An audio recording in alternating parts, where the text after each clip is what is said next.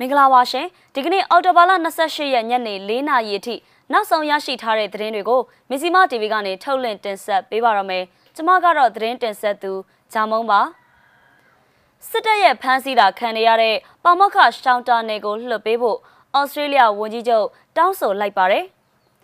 စကိုင်းမုံရလမ်းမှာတနက်ဖောက်ပြီးမောင်းလာတဲ့စစ်ကောင်စီရင်တန်းမိုင်းခွဲခံရပါတယ်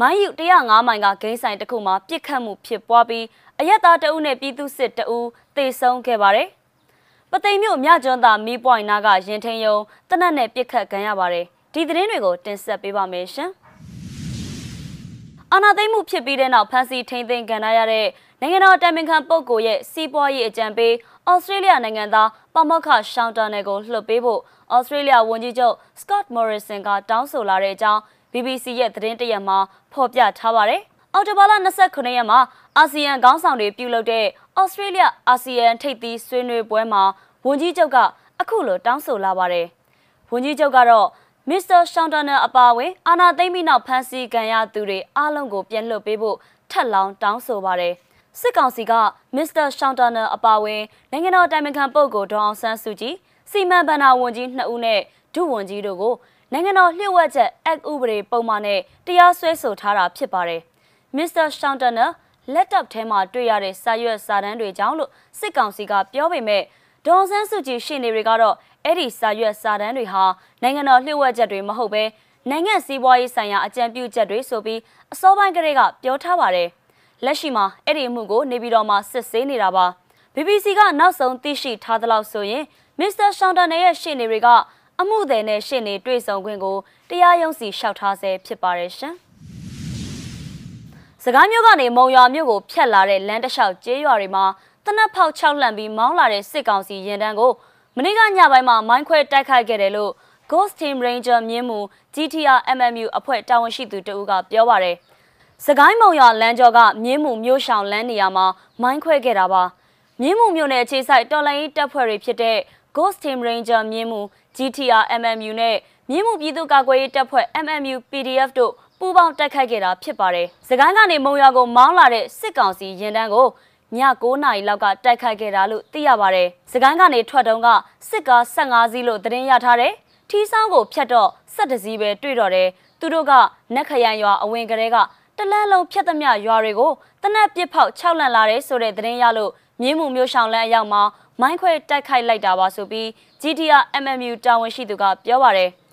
ဒီဖြစ်စဉ်ကြောင့်စစ်ကောင်စီရင်တန်းကစစ်ကားနှစ်စီးပြက်စီးပြီးထိခိုက်ဒဏ်ရာရမှုတွေလည်းရှိတယ်လို့ဆိုပါတယ်။လောလောဆယ်တော့မြို့ပြင်မှာကားတစ်စီးထားခဲ့တယ်။တစ်စီးကတော့မြင်းမှုစေးရုံကိုမောင်းသွားတယ်လို့ကြားတယ်။ဘယ်နှစ်ယောက်ထိသွားလဲတော့မသိသေးဘူး။ကျွန်တော်တို့အဖွဲ့တွေကတော့အထိခိုက်မရှိစုခွာနိုင်ခဲ့ပါတယ်။ဘယ်အချိန်ပဲဖြစ်ဖြစ်ကျွန်တော်တို့မြို့နယ်ကိုဖျက်တမ်းသွားလာတဲ့စစ်ကောင်စီရင်တန်းကိုအချိန်မရွေးချိန်မုံသွားမှာပါလို့ GTR MMU အဖွဲ့ဝင်တဦးကပြောထားပါတယ်။ မိုင်းခွဲခံရပြီးတဲ့နောက်ကြံတဲ့စစ်ကောင်စီကားပေါ်မှာရှိတဲ့စစ်သားတွေကတနက်တွေပြစ်ဖောက်ပြီးမုံရမြို့ဘက်အလျင်အမြန်မောင်းနှင်သွားကြတယ်လို့သိရပါတယ်။ပြီးခဲ့တဲ့အောက်တိုဘာလ25ရက်နေ့ကလည်းမုံရကနေစကိုင်းကိုထွက်ခွာလာတဲ့12စီးပါစစ်ကောင်စီရင်တန်းကိုမြင်းမှုအခြေဆိုင်ပြည်သူ့ကာကွယ်ရေးတပ်ဖွဲ့တွေကမိုင်းခွဲတိုက်ခိုက်ခဲ့ပါတယ်။ပြည်သူတွေအနေနဲ့စကိုင်းအရာတော်နဲ့စကိုင်းမုံရအဝေးပြေးလမ်းတွေပေါ်မှာကျမ်းမာရေးကိစ္စကလွဲပြီးခရီးသွားလာတာမပြုဖို့ မြင်းမှုခြေဆိုင်ပြည်သူ့ကာကွယ်ရေးတပ်ဖွဲ့တွေကအသိပေးထားပါတယ်ရှင်။ရှမ်းပြည်မြောက်ပိုင်းမူဆယ်မြို့နယ်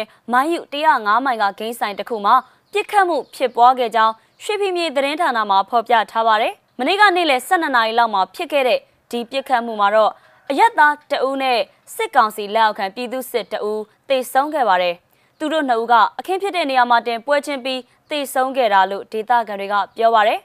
အယက်သားတဦးလဲဒဏ်ရာရခဲ့ပါသေးတယ်။ဒဏ်ရာရသူတဦးနဲ့တေဆုံးသွားတဲ့ရုပ်အလောင်းတွေကိုပါရမီလူမှုကူညီရေးအသင်းကတွားရောက်တဲဆောင်ပြီးမူဆယ်စေးုံစီပို့ဆောင်ပေးခဲ့ပါတယ်။မိုင်းယူ105မိုင်မှာဂိမ်းဆိုင်အများအပြားရှိနေပြီးဒီဖြစ်စဉ်မှာပြစ်ခတ်တဲ့အဖွဲ့ကိုတော့အတိမပြုတ်နိုင်သေးပါဘူး။မူရစေဝါသုံးဆွဲမှုတွေလည်းရှိနေသလိုခိုးမှုလူရက်မှုဓမြတိုက်မှုတွေလည်းမကြာခဏဆိုသလိုဖြစ်ပွားနေတယ်လို့ဒေသခံတွေကပြောပါရယ် မင်းည12နာရီလောက်မှာပြည်တော်စုလမ်းမကြီးဘေးကဆိုင်ခန်း၅ခုလည်းမီးလောင်ခဲ့ပြီးဆုံးရှုံးမှုတန်ဖိုးကိုတော့မသိရသေးပါဘူးရှင်။ပသိမ်မြို့မဟာဗန္ဓုလလမ်းမမြကျွန်းသာမီးပွိုင်းထိပ်ကရင်းနေရုံကိုဒီကနေ့မနက်7:00နာရီခွဲလောက်မှာတနက်နဲ့ပြစ်ခတ်ခဲ့တယ်လို့ပသိမ်အနောက်ပြည်သူ့ကာကွယ်ရေးတပ်ဖွဲ့ဝင်တဦးကပြောပါရယ်ရဲတအုပ်ပွဲချင်းပြီးတေဆုံးပြီးနောက်တအုပ်ကတော့ဒဏ်ရာရသွားကြောင်းသိရပါရယ်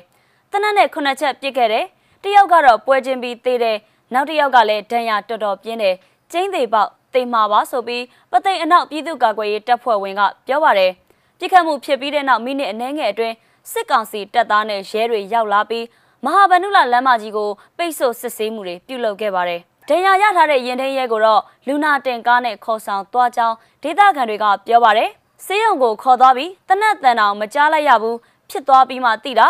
မြို့လေလမ်းမကြီးဆိုတော့အတန်တိတ်နဲ့ချသွားတာနေမယ်လို့အနီးဝန်းကျင်မှာရှိတဲ့ဒေသခံကပြောပါတယ်။မြကျွန်းသာမီးပွိုင်မှာရှိတဲ့ရင်ထင်းရဲရုံးက AR တိုင်းရဲတပ်ဖွဲ့မှုရုံးနဲ့အနီးဆုံးနေရာမှာရှိတဲ့ရင်ထင်းရဲရုံးပါ။အဲ့ဒီရုံးကနေ့စဉ်ခရီးသွားပြည်သူတွေကိုဖမ်းဆီးစစ်ဆေးပြီးအဓမ္မငွေတောင်းခံလေးရှိတဲ့ရင်ထင်းယုံဖြစ်တယ်လို့ဒေသခံတွေစီကသိရပါတယ်ရှင်။မစ္စည်းမရဲ့သတင်းတွေကိုနေ့စဉ်စောင့်မျှော်ကြည့်ရှုပေးကြတဲ့အတွက်ကျေးဇူးတင်ပါတယ်။ ပြည်သူအားလုံးလက်ရှိကြုံတွေ့နေရတဲ့အခက်အခဲတွေကနေအမြန်ဆုံးလွန်မြောက်ကြပါစေလို့ဆုတောင်းရင်းနဲ့နှုတ်ဆက်ပါရစေရှင်။